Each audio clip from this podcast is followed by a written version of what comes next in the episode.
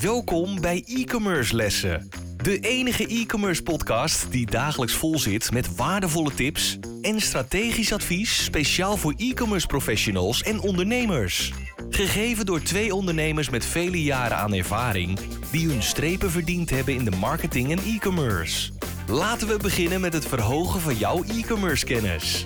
Hier zijn je leraren, Dries de Gelder en Alexis van Dam. Eerst even een berichtje van onze sponsor. Je het ook belangrijk om hoger te ranken met je website? Zeker door de nieuwe update van Google met de Core Vital Update. En dan eens een kijkje naar je eigen website snelheid. Wij zijn zelf onlangs verhuisd uh, van een uh, zeer trage server waar we de naam maar niet van noemen. Maar uh, inmiddels zijn we overgestapt naar Managed WP Hosting en uh, ja, we zijn van een snelheid van 10 seconden naar onder de seconde gegaan. Dus dat is een, echt een wereld van verschil. En we zien er gelijk de resultaten in Google verschijnen. Het scheelt een hoop, hè, want je krijgt gewoon meer bezoekers. En uiteindelijk uh, niemand wil wachten op een langzame website. Dus kijk eens even naar deze website en doe er je voordeel mee. ManagedWPHosting.nl En ze hebben ook nog eens een keer een fantastische service. Les 135. Ik ben Dries de Gelder. Ik ben Alexis van Dam. Uh, ik zat weer uh, wat trends te bekijken online, dat doe ik wel vaker. En ze zeggen dat meer manieren van betalen toch wel een e-commerce trend is. of waar je mee bezig moet zijn. Ehm, ja, er zijn natuurlijk heel veel manieren van betalen. Maar wat is jouw gedachte, Alexis? Of moet ik hem wat beter aftrappen? ja? dat zal ik dan maar even doen.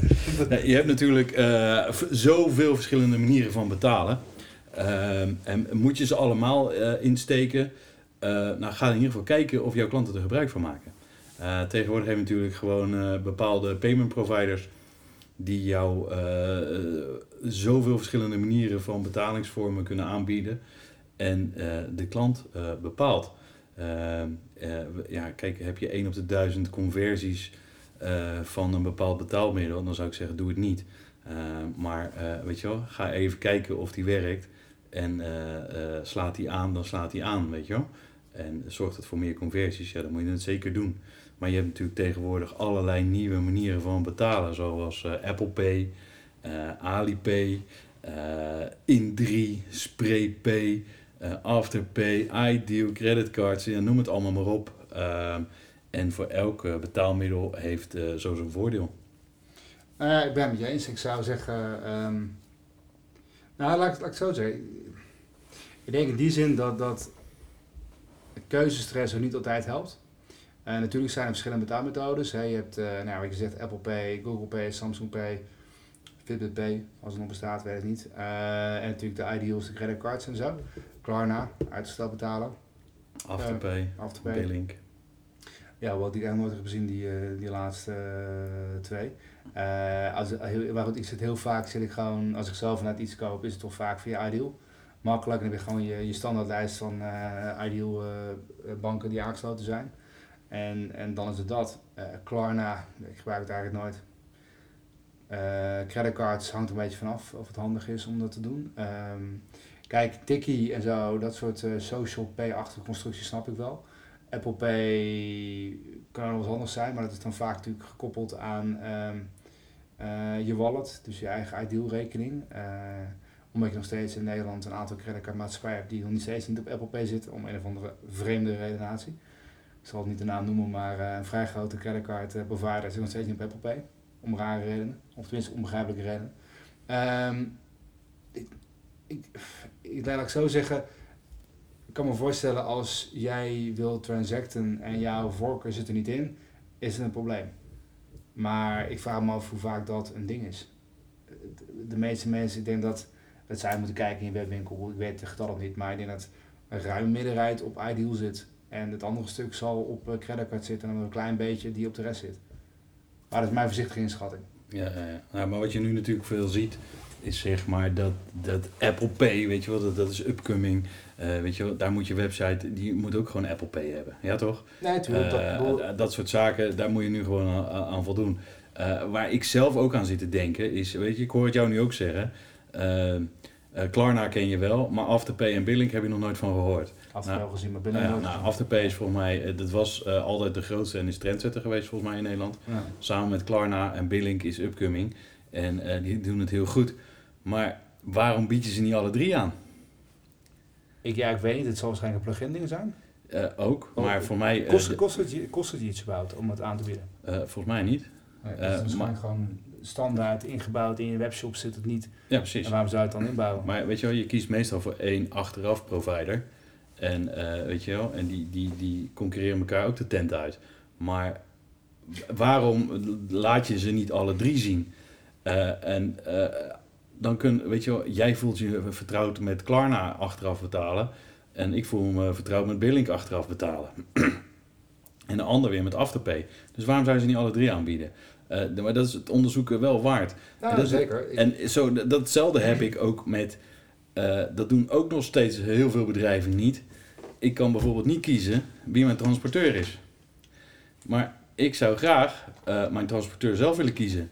Want ik weet, als ik voor partij X kies, dat die s'avonds na negenen komen. Nou, met jonge kinderen, ik red het niet altijd nog. Ik lig soms wel eens om negen uur in mijn bed. En als die dan nog na negenen komen, dan, ja, dan baal ik. Want dan gaat de bel en dan moet ik gewoon weer even van boven naar beneden komen om de deur open te doen.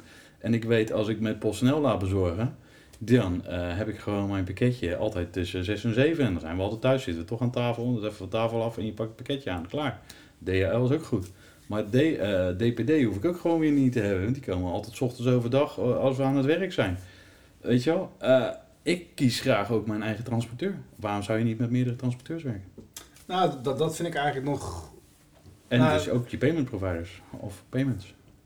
Nee, ik vind er wat voor te zeggen. Ehm maar misschien een paar dingen. Met wat je zegt over het hele payment provider, uh, die Klarna, die, die Billink en die Afterpay. Want dat even, dat had je als voorbeeld. Um,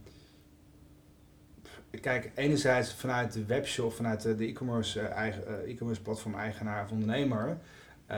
Kijk, als het niet meer of minder kost om het weer aan te bieden, dat is één kant van de zaak. De andere kant van de zaak is dat je wel met die payment providers een koppeling aan moet gaan. En administratief moet gaan bijhouden in je boekhoudpakket al die andere zaken moet regelen. Of Klarna betaalt, of Billink, of, of uh, Afterpay. Dat moet allemaal wel gebeuren. Uh, je hebt natuurlijk je payment providers die ertussen zitten. Dus al je betalingsverkeer kan je via die payment provider laten lopen. Nou, dat is voor mij denk ik die payment provider waar het zit. Ja. Dat die zeggen, nou we doen zaken met één, want we hebben geen za zin om zaken met de andere te doen. Omdat er blijkbaar concurrentie is en een bank, gek genoeg, ja, zijn concurrenten van elkaar, maar goed, Rabo en ABN, ING en Knap en AZ. Zitten allemaal op, uh, allemaal een beetje, nou, Ideal. Ja, allemaal op Ideal, dus daar is niet echt een concurrentie, het is gewoon meer een keuze, waar zit je? En ik bied het allemaal aan. Dat is natuurlijk het mooie van de Ideal, dat al die banken automatisch voor mij via de, de, de koppeling erbij komen. En met dit dan niet. Um, ik persoonlijk, ja, en dan vraag ik me af, maar dat weet ik niet, maar dat zou je wel onderzoeken, kunnen onderzoeken. Of inderdaad er een, een merkvoorkeur is voor mensen om met Klarna of Billink of Afterpay te zitten. Dat weet ik niet. Het, het zou kunnen dat, dat met één fijner betere rentebedrag geeft dan de ander. Dat is eigenlijk een renteverhaal, denk ik. Uh, je, je, of hey, je betaalt uh, later of na levering. Ja, het is natuurlijk ook weer gewoon, want je krijgt altijd een soort van financiële check. En ja. heb jij al een bestelling gedaan bij Afterpay en je ja. bent in het verleden goedgekeurd en je hebt die betaling goed gedaan, dan, en je hebt toevallig net even, weet ik veel, iets verkeerd gedaan of een BKR-registratie opgelopen, dan kom je er niet door bij een van die andere twee. En dan kom je er wel door bij Afterpay. Dus jij kiest liever voor Afterpay dan voor die andere. Ja, nee, is interessant. En, en dat soort theorieën, en als je dan kan kiezen tussen welke je wil hebben, ja, uh, ik denk dat het best een interessante is om eens een keer uit te zoeken. Ik vind het verhaal wat je daarna zei, of na vertelde over die, uh, die transporteurs, dat vind ik wel, daar zou ik eerder geneigd zijn om, om daar een keuze naar te bieden. Ik vraag me af waarom het niet gebeurt. Ik, ik, kan me alleen maar voorstellen. Ja, je hebt nu al wel dat sommige webshops dat je, dat je duurzaam. Eh, je hebt ja, de economische keuze of, of hè, dat je dan. Uh, ja, dus per fietsleverantie ja. en dat soort dingen. Ik heb laatst ook gaan. Toen bestelde ik iets inderdaad. Was uh, de economische of de, de, de ecolo niet de economische, de ecologische keuze, de duurzame keuze was inderdaad uh, was woensdag, dus het wordt morgen. Ik had het zondag besteld in plaats van maandag gelijk geleverd. Ik denk van nou prima, ik zit, ik, prima als het drie dagen later is, doe wat jij wil. En uh, dat kan dan ook. Dus dat soort dingen doen ze denk ik wel. Ik denk wederom, waar, het, waar dan dit waarschijnlijk wel een ding is aan de achterkant, is dat je dan met twee of drie partijen leverancier, uh, het, uh, afspraken moet gaan maken.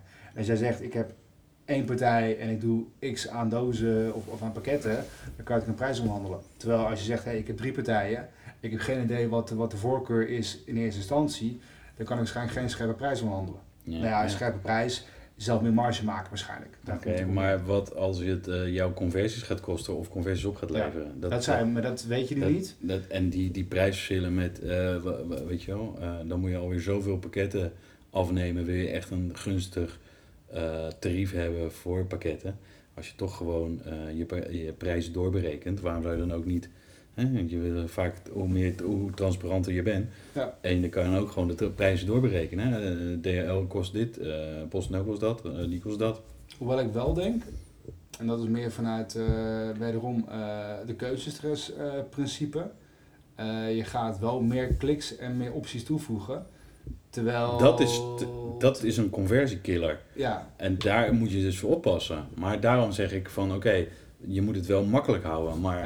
Ja, maar nog steeds moet je zeggen, je, ja, dan moet je waarschijnlijk, als je dat dan weer volgens de principes doet, mag je niet eentje standaard invullen. Ja, maar als je nu even uh, de, de snellere webshops, uh, noem ze maar op, op bol.com krijg ik ook een keuzemenu. Wil ik hem vandaag hebben, wil ik hem morgen hebben of wil ik hem uh, wil ik hem vandaag nog hebben, dan betaal ik dit bij. Wil ik hem, wil ik hem ja, expres verzonden hebben, moet ik dat doen. Dus je, heb je ook een keuze. En dan heb je alleen een keuze uit transporteurs. En dan kan je ook nog zeggen... En dan kan je zeggen, kies, maar goed, dan, dan als je dan bijvoorbeeld zegt, ik kies voor de een, dan krijg je dit rijtje. Kies voor de ander, krijg je dat rijtje.